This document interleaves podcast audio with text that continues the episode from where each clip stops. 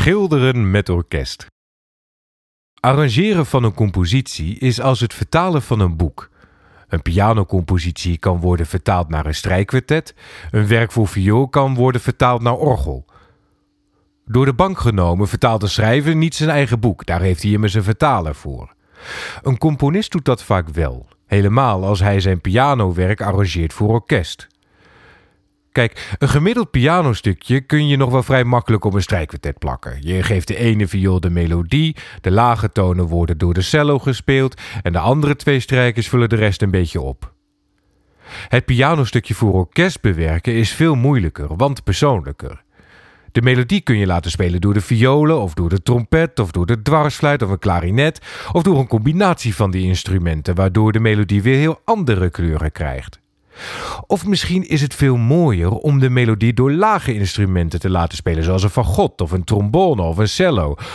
Of door een fagot en cello tegelijk te laten spelen, maar dan speelt de cello wel harder dan de fagot, of juist de fagot harder dan de cello. Of ze spelen even hard en de trombone speelt het einde van de zin steeds zachtjes mee, als een souffleur die bang is dat de acteur zijn tekst vergeet. Ik bedenk ook maar wat. En dan hebben we het nog niet gehad over welke instrumenten de tweede stem spelen en in welke combinatie. Of alle violen meespelen of alleen de helft. Speelt de hoorn de tweede stem in zijn eentje of met z'n tweeën? Of misschien wel alle hoorns samen, maar dan heel zachtjes. En willen we misschien ook nog een bompaukenslag?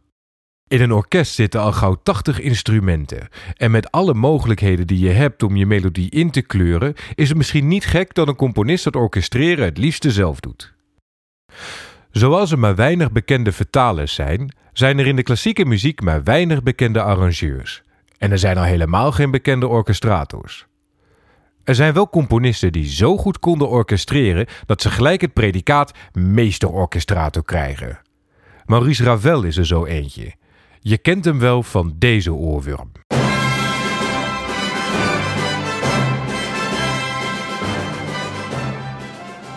De Bolero. Ravel kon zo fantastisch mooi orchestreren dat hij speciaal werd gevraagd om pianowerk van een andere componist te bewerken voor orkest. Die andere componist, Modest Mussorgsky, had er ook niet zoveel over te zeggen, want die was in 1922 al zo'n 40 jaar dood. Maar hij mag postuum wel zijn handjes dichtknijpen, want dankzij Ravel is zijn pianocyclus, schilderijen tentoonstelling, een publieksfavoriet geworden. Mussorgsky componeerde schilderijen tentoonstelling in 1876 na de dood van zijn vriend de schilder Victor Hartmann. De pianocyclus bestaat uit tien delen die elk Hartmanns schilderijen verbeelden, afgewisseld met delen die de wandeling naar het volgende schilderij voorstellen. In Mussorgsky's versie klinkt het thema van de promenade zo.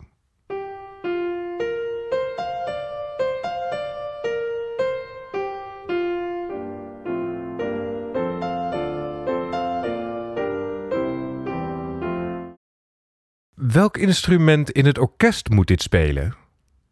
De melodie begint solo. Het klinkt wel monter, maar het heeft ook wel iets statigs. De pianist heeft er trouwens wel stevig de pas in. Een viool zou dit kunnen spelen, maar bij een viool denk ik niet gelijk aan monter en al helemaal niet aan statig. Ravel ook niet, want hij begint de promenade zo.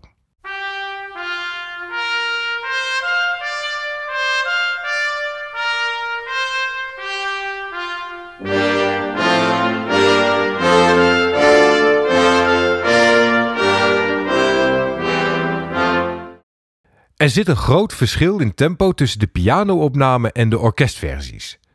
Dat heeft deels te maken met dat tempoaanduidingen in de klassieke muziek niet heel precies zijn. De tempoaanduiding van dit deel is allegro giusto. Allegro betekent snel, maar ja, wat is snel? U hoort, daar lopen de meningen nogal over uiteen. En dat zijn niet toevallig deze twee opnamen, want alle orkestopnamen zijn ongeveer even snel en alle pianoopnamen ook. Misschien komt het doordat een clubje koperblazers al snel statig klinkt. Met de orkestversie schrijf je het Rijksmuseum in. Met de pianoversie stap je in het bekende atelier van de bevriende kunstenaar. Iets verderop in de promenade loop je om een tafel heen waar wellicht een kwast op ligt. Een klein detail, meer niet. Je kijkt weer op en je loopt weer verder.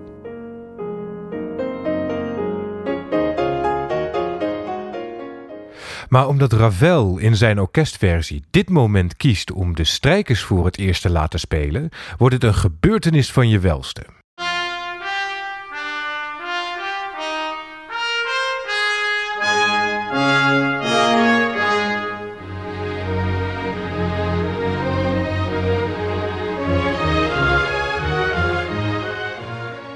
Waarom zou Ravel hiervoor kiezen, behalve dan dat het mooi is? Omdat je ook anders naar de piano-overgang kunt luisteren. Ik laat nog even het begin van de pianoversie horen. Wat je hier hoort is eigenlijk een vraag- en antwoordspelletje. Eerst hoor je solo de vraag en daarna met begeleiding het antwoord. Vraag. Antwoord.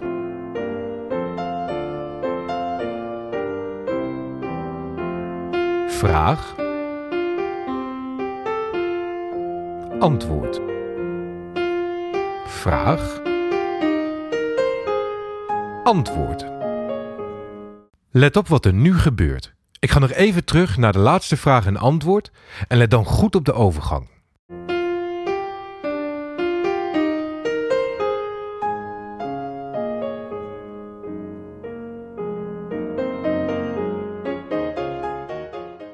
Hoor je wat er hier gebeurt? Voor het eerst is er geen solo-melodie die de vraag stelt, maar de melodie en begeleiding voeren nu samen een gesprek. Daarom kiest Ravel voor dat moment om de strijkers te introduceren. De trompet en het koper spelen een vraag- en antwoordspel, de strijkers voeren een gesprek.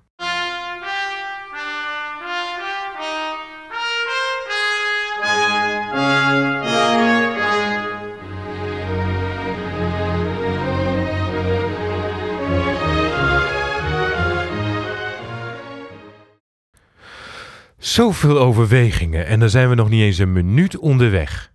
En dit is maar één manier waarop Ravel over de vertaling van piano naar orkest moest nadenken.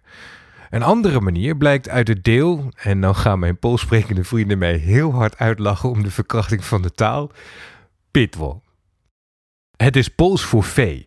En het schilderij wordt beschreven als een Poolse kar met gigantische wielen door ossen getrokken. Het begin klinkt zo.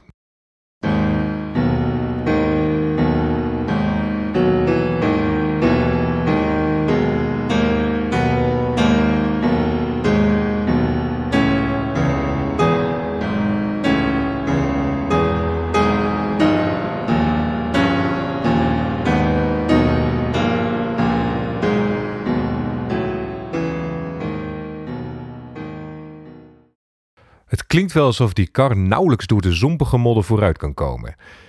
We weten niet of het zo is bedoeld, want het schilderij is verloren gegaan. Maar Mussorgsky laat de piano de hele tijd hard spelen. En dan in één keer zachter en zachter en zachter.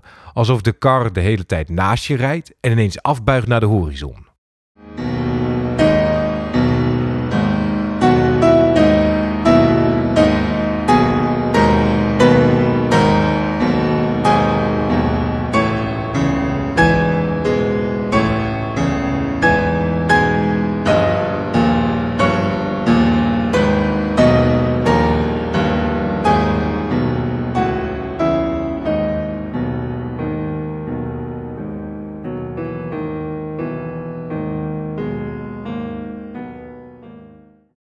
Het probleem is alleen dat met een orkest alleen maar hard spelen niet werkt. Dan verliest een orkest heel gauw zijn kracht.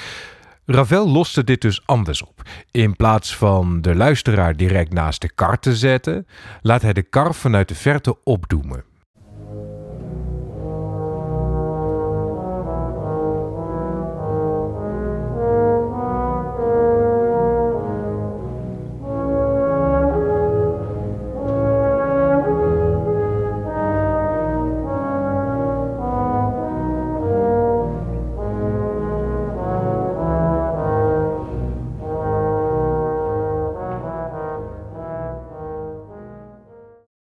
En zo komt de kar langzaam dichterbij en dichterbij en dan gaat hij voorbij.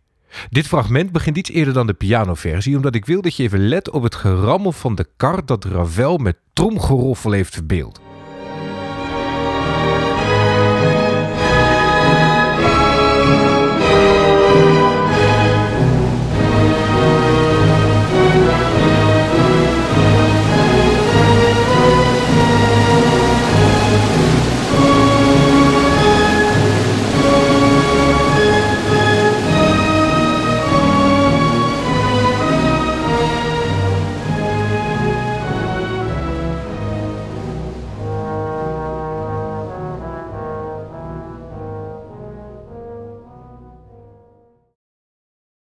Maar het orkest kan natuurlijk ook gewoon het effect dat Mussorgsky met de piano wil overbrengen versterken. Het laatste deel van de cyclus heet De Grote Poort van Kiev en is gebaseerd op een ontwerp van zo'n Arc de Triomphe als ze in Parijs hebben. Aan het einde van dit deel laat Mussorgsky het promenadethema nog één keer terugkomen. Aan de ene kant om dat statige van de poort te verbeelden en aan de andere kant om de luisteraar te vertellen: we zijn weer thuis. Om nog even het geheugen op te frissen, zo klonk het thema van de promenade.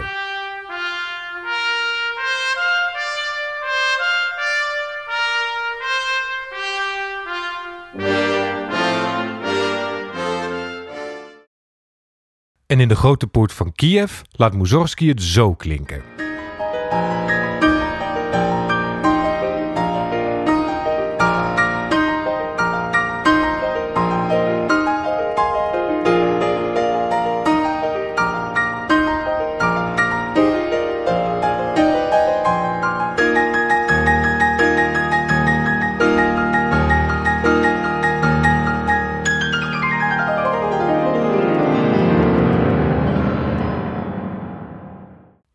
Hier kan Ravel natuurlijk alleen maar in meegaan.